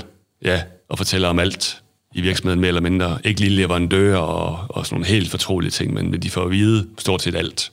Din Ja. forretningsmodel, din indtjening, alt får de at vide. Ja. Og der, der, der blotter man sig selv lidt, når man så snakker med konkurrenter og så videre. Nutra, ejerne af Nutramino var for eksempel lidt at høre omkring vores case. Okay. Og det er jo sådan lidt med, med, med en, tv, en tvetigt øh, fornemmelse i kroppen, og sidde og afsløre det fra en konkurrent. Men, men, men altså, er det sådan, at man skal, underskrive, skal de underskrive sådan nogle non-disclosure agreements? Det skal eller? de. Men, men altså, det kan man selvfølgelig ikke helt... Nej. De kan jo ikke helt lægge det fra, som de går døren. Nej. Men altså, der er vel ikke der vil... Altså, hvis de selv har deres egen bigs, altså hvor hemmeligt kan ting... Nej, vi, vi kørte jo også bare vores, altså, vores strategi og vores, øh, og vores forretning videre. Så ja. det, det var sådan, det var jo. Det kommer du ikke uden omkring. Hmm. Og så ender det her så ud i, at de her fem, jamen de får så at vide, jamen altså, I kan ikke tænke over det, og så skal I komme med det, der hedder en, uh, et letter of intent, hvis I gerne vil gå videre, og der skal man være lidt mere skarp på pris og struktur på handel og alt det her. og så ud fra de her letters of intent, jamen så vælger man så, man, man får kun lov at vælge en øh, ud, som man så går videre med i sådan en due diligence-proces, og man kan ikke vælge to, fordi nu kommer både køber og sælger til at investere en hel masse ressourcer og tid i det her, og lave ja. due diligence. Så ja. køber, de accepterer ikke, at der sidder to køber, og sidder begge to og, og, og byder på det her, eller sidder og laver den her due diligence, fordi de, kommer, de bruger måske en million eller to i advokater og alle mulige andre revisorer ja. osv. Til, til at gennemgå den her case. Ja. Så de vil være sikre på, at hvis, hvis, hvis den her due diligence ender ud med et go, jamen, så vil de være sikre på, at de ikke har investeret de her to millioner forgæves. Nej, nej. Og så ender det jo så forhåbentlig med, at man så kan skrive under. Ja. Og i vores tilfælde, der, der trak det noget ud, men, men altså, det, det tog halvandet år, fra vi uh, gik i gang, der i starten af, af 17 til, til medio 18, at vi fik skrevet under, og, og, og den blev lukket. Ja. Så det var en lang opslidende proces. Så er det, er det hemmeligt, hvad det blev solgt for egentlig? Eller? Altså, det kan man jo se på mit holdingselskab, så det, det kan man bare gå ind og kigge, hvis man er nysgerrig, men altså, det var et fint beløb. Så du behøver ikke arbejde mere? Nej. Ikke, ikke, ikke, ikke en nødvendighed i hvert fald. Hvordan er det, sådan den der ting, at, ligesom, at øh, ens ansvar sådan formelt set er væk, og altså sådan... Jamen altså, det sidste halvandet år, det, det, var, det var et hårdt år. Altså har du købt en Porsche? Ja, det gjorde jeg allerede før. Det, det, det var ikke en Porsche heller, men, men jeg, jeg købte også en dyr bil. Øh, ja. Men jeg har aldrig købt en hel masse dyre materielle sager, fordi at, øh, selvfølgelig ikke har jeg købt nogle dyre ting, men det er ikke, det er ikke sådan det, der driver mig som sådan. Men, øh, men øh, jeg, jeg synes, det er rart at have penge i banken, og have den frihed, som penge det giver. Ja. Øh, det er ikke nødvendigvis at have en masse et hus i Spanien, og alle mulige ting, du skal og, og vedligeholde, og, og alt muligt andet. Det, det. Men, altså man, man kan høre, at du stadig har en relation til, altså selvom du, sådan er, du har, du har hænderne helt fri af Body Lab nu. Ja, 100 procent. Ja. Altså man kan godt høre, at du stadigvæk har en eller anden, øh, øh, hvad hedder det, sådan et, et forhold til det, et reverence, sådan en agtelse og, og, og et, et eller andet form for andet, eller sådan en, en altså det betyder noget for dig stadigvæk, ikke? Ja, 100 procent. Altså, af mange årsager, dels fordi jeg har brugt 16 år af mit liv på, på at drive det der til, hvor det, hvor det kom til. Øh, jeg synes også, der er nogle rigtig flinke mennesker, der har købt det, øh, og ønsker dem alle held lykke med det. Ja. Og hvis de ringer i morgen og har brug for et godt råd, øh, så vil jeg meget gerne møde op free of charge og bidrage med, med det. Og, øh, og så på, på den personlige plan, jamen, så er det også fedt, hvis om 10 år, når min søn han skal til at træne selv, og, og, og ligesom bliver voksen til ligesom at forstå sådan nogle ting, at han ligesom kan pege og sige, at, at det var det far, han startede dengang, han var, han var yngre. Ja. Altså det, det er da også øh, på en eller anden måde fedt. Men har, men har du sådan en, øh, altså har du sådan et personligt forhold sådan til kosttilskud eller og sådan branchen, eller er det sådan, eller er det meget professionelt sådan, altså? Mm, jamen, altså, jeg kunne godt lide kosttilskudsbranchen, når jeg startede virksomheden, men det var ikke, fordi jeg ligesom havde et specielt forhold til kosttilskud. Altså... Øh, Om sådan, så, så fitnessbranchen, eller hvad man skal jamen, sige? jeg trænede meget selv, men jeg vil også sige, altså havde, havde jeg lige tilfældigvis siddet med en anden idé, som kunne sælges online, så kunne jeg lige så godt have kastet mig over det. Altså ja. det, jeg tror, der var, det, det, der var drevet mig gennem de 16 år, jamen, jeg har også syntes, at kosttilskudsbranchen var, var fed, fordi jeg selv har trænet og brugt proteinpulver. Men det, jeg synes, der har været fedt, det er hele den her e-commerce del af det. Altså, man kan sælge noget på nettet, og så sidde og følge med i uh, dit antal besøgende og kommenteringsrate, og du, uh, du laver en ny kampagne, og du bygger den op, og du ved, så på lønningsdag trykker du på knappen og sender et nyhedsbrev ud, og lancerer din kampagne på, på sociale medier, og, ja. og alle dine ambassadører, de, de poster indlæg, og, og så sidder du og følger med i omsætningstallene, og skal gerne slå indekser for sidste måned, og hele den der, det, det bliver lidt sådan en leg, kan man sige. Det bliver lidt som at spille computer på en eller anden måde. Der kommer jo tal ud af det. Altså, så man kan, det er meget sådan målbart og kvantificerbart. Altså. Det giver jo et eller andet dopamin, og det, det er jo ligesom at spille computerspil, hvor du så også, når du har vundet over modstanderen, så får du en lille dopaminros, ikke også? Øh, det er jo ligesom at spille computer og drive en virksomhed online. Ja, har har så bygget deres egen rapporteringssystemer, så I kunne ja, ja. det? men det var også meget fra, fra Google Analytics. hvor du bare lukkede på og så, Okay, fordi man kan hægte det hele på. Altså Ja, lige sådan, præcis. Ja. Hvor folk de kommer fra, ikke? Også kommer de fra bodybuilding.dk og nyhedsbreve, og hvad, hvad fungerer, hvad fungerer i kampagnen? Ja. Var det nyhedsbrevet, der godt? Var det vores social media aktiviteter? Var det Facebook-annoncen? Hvad virkede? Ja. Altså justere på den nørd på det der. Ja. Det er meget spændende. Ja, ja. Og det lyder som, du var ret engageret i den del af det selv. Ja, altså marketing og produktudvikling og sådan noget, det var, det var ligesom det, jeg ligesom øh, nørdede med, også personligt. Ja, Ikke ja. lige de sidste par år, for der fik jeg som sagt nogle dygtige folk ind, der, der drev de områder selvstændigt på et langt højere niveau, end jeg kunne gøre.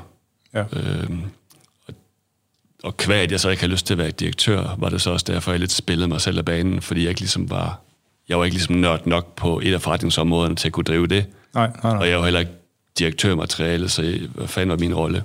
Ja. Ja, ja. Men det er jo sådan, det er jo, øh, ja, det der e-commerce, det er sgu noget, altså det der med, at man kan følge folk rundt. Ja, lige præcis. Altså det er, øh, Det er super spændende.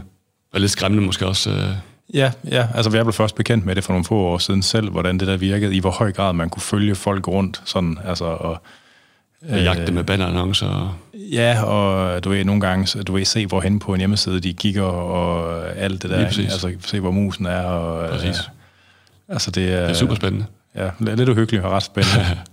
ja. Øhm, skal du ud og rive i noget med kosttilskud igen på et tidspunkt? Altså, Det må du, jeg nu har du, har selvfølgelig en konkurrenceklausul. Det, Ja, altså ja, det, det vil jeg gerne. Jeg vil ikke konkurrere med Botlab, men jeg kunne da tænke mig at lave et eller andet inden for det. Ja. Der er masser af andre områder, man, man kunne lave noget indenfor. Øh, men i hvert fald online-handel, og gerne inden for kosttilskud også, men helt klart online-handel. ja, ja. Det er nok ikke overstået. Altså, det flytter jo, en- jeg ved ikke, hvad, hvad er bevægelsen nu? Altså, eller sådan, ja, flytter det stadigvæk mere og mere mod online, eller er det stabiliseret, eller... Mm, nej, jeg tror stadigvæk, at øh, altså, jeg, helt, helt klart coronakrisen har accelereret den dig- Ja, ja, digitaliseringen og hele den der øh, online-handel. Altså, der er flyttet masser af kunder fra fysiske butikker over til, til, til, til, til e-commerce virksomhederne under coronaen. Ja. Og de kommer aldrig tilbage til, til, til fysiske butikker igen. Det gør det nok ikke, nej. Hvad med Og, hele øh, abonnementstingen? Altså, fordi i alle mulige andre brancher, der har man jo set det der skub for at få væltet folk over på abonnementsløsninger, i stedet for... Øh, Jamen, det, det taler ned i en trend, det der abonnement. Det er super spændende. Hvis man kan lave et eller andet kosttilskudsvirksomhed Ja, på men- abonnement, men der er jo ikke nogen, der rigtig har knækket den endnu. Er der det? Nej, jeg synes, der er nogen, der har prøvet. Altså, jeg synes, uh, Centabox for eksempel, synes jeg har et rigtig godt koncept. Det, det, det var vi lidt misundelige på i Botlab på et tidspunkt, og Ja. havde faktisk tænkt på at kopiere det. Uh, men det gjorde vi så ikke alligevel af forskellige årsager. Ved du, om der er nogen internationale, der har gjort det? Nej, men der er uh, andre spillere, eller Centabox, Ja, ja, ja. der er amerikanske osv., som, som jeg tror har knækket koden på det. Altså den del af det. Men, men nej, jeg kender ikke lige... Uh, jo, der er selvfølgelig de her Vita Pro og så videre, som, som tjener rigtig mange penge på at Ja, sælge, ja. sælge kosttilskud på abonnement. Uh, delvist i hvert fald. Men jeg har ikke lige en eller anden case, jeg lige kan komme i tanke om, Nej, nej. der er god. Og vi har jo også tænkt det, at den, den, den, dem, der rammer den der i røven på et eller andet tidspunkt, de øh, kommer til at få det sjovt. Lige præcis. Lige præcis. Enig. Ja, ja. Jamen, jeg ved ikke, jeg tror, vi sådan set, når vi er, eller vi- hvis nu der sidder nogle spirende, øh, eller aspirerende, ja, hvad hedder kosttilskuds iværksættere derude, mm. har du nogle gode råd til dem så? Jamen, jeg vil sige, at øh, altså, dengang jeg startede, der kunne man godt slippe afsted med at starte med sådan et, et, et ikke gennemtænkt, eller i hvert fald et lidt, lidt halvsløjt koncept, øh, både designmæssigt og så videre, men, men det kan man ikke i dag. Altså, det, det, altså, du, du, du er nødt til at have et virkelig skarpt koncept og nogle klare USP'er i dag, for, for at kunne slå igennem. Og jeg tror også, at det vil også kræve en eller anden vis stor pose penge at slå igennem. Du kan ikke Så komme man skal som- starte med kapital. Det, det er jeg sikker på, Ja. fordi der er så hård konkurrence. Ja. Og selvom du kommer med et, med et godt koncept, jamen, så er du simpelthen nødt til at have noget til marketing og branding og så videre. Så kommer du ingen vejen. Så Nej. drukner du i mængden af andre virksomheder. Ja. Ja. Så have et godt koncept, og øh, sådan helt generelt vil jeg måske også sige, lav et eller andet, som, som man har hjertet og passionen med i. Fordi du, øh, du kommer ikke udenom at skal knokle for, for succes. Altså, øh, altså, hvis du gerne vil komme langt i, det gælder nok alle aspekter af livet, hvis du gerne vil være, være dygtig til iværksætteri, eller dygtig til cykel, eller dygtig til matematik, eller whatever, jamen, så kommer du til at lægge en forfærdelig masse timer i det. Og øh, hvis du ikke ligesom, hvis du ikke har passionen og hjertet med i det, så, så kommer du ikke til at lægge alle timer i det. Nej, det giver mening. Så det find noget, man øh, med at gøre det for at tjene penge, eller af de forkerte årsager. Gør et eller andet, du har hjertet med i, og så, så vær skarp på dit koncept. Ja, Find det rigtige team også. Find nogle dygtige mennesker. bevares. Det er også en del af det. Det er også sjovere. Ja, ja, ja. Jeg gjorde det aldrig selv rigtigt, men øh, der er også nogle ting, måske jeg fortrudt, at man ikke fik nogen ind fra starten af. Og, og delt sorger og glæder med. Måske. Ja, ja, ja. Jamen, jeg, tror- jeg tror, vi egentlig vi var ved omkring det hele. Du skulle også til et eller andet, øh, var det Medina-koncert? Eller? Nej, det var faktisk Pernille Rosendal-koncert. Pernille det er aflyst faktisk, øh, desværre. Coronaen har taget livet. af Seriøst? Ja. Så, øh, men vi er så, øh, ja, Vi har, Vi har fundet andet lave i øh, Ja, okay. Nå. Og det er jeg ked af at høre. Det Ja. var, øh, vi må have til gode. ja, og det, jeg, jeg, håber ikke, det var, øh, hvad hedder det, jeg håber ikke, du tog anstød af, at jeg glemte, at det var Pernille Rosendal. Nej, nej, nej, øh, men det var fald ikke Medina. så, så, så ung er jeg desværre ikke nu. Nej, nå, fedt. Hvad hedder det? Øh, jamen, jeg tror i virkeligheden, det var det. Vil du ikke lige fortælle, øh, er, du, er, du, er du aktiv på noget, øh, snakker du om branchen eller sådan noget, nogle steder på Twitter eller sådan noget? Nej, jeg sidder ikke og prøver at kloge mig på en masse ting nogle steder. På Instagram, der poster jeg mest billeder af min søn, så det er ikke så spændende. Men jeg har da en Instagram-profil og en LinkedIn-profil og så videre, så... Man er velkommen til at kontakte mig, hvis man, hvis man vil have lidt, lidt vejledning på et eller andet. Øh, eller sidder med en god idé, som jeg skal med i, så er man velkommen til at. Så Nå, fik nu- jeg også lige den med. Nu kan du være den rige onkel. Ja, snart lige præcis. Fedt. Jamen, tak fordi du kom. Ja, velbekomme. Det var, det var spændende. Det var det sgu. Så, øh, jamen det var dagens øh, afsnit af Fitness MK. Du har lyttet til øh, os to gamle, halvgamle lavekatte her, og jeg er selvfølgelig Anders Nedergaard, og det var Rasmus Thorup Andersen. Du kan lytte med til den her og de andre episoder på stream og podcast, og man kan streame det inden fra andersnedergaard.dk eller fra vores host Spreaker. Og man kan selvfølgelig podcasten fra alle de almindelige podcasttjenester, Spotify, Google Podcast osv. Programmet er produceret af Jonas Pedersen, og I skal være velkomne til at skrive ind, og det kan man på afn andersnedergaard.dk eller på programmets Facebook-side eller Instagram-side.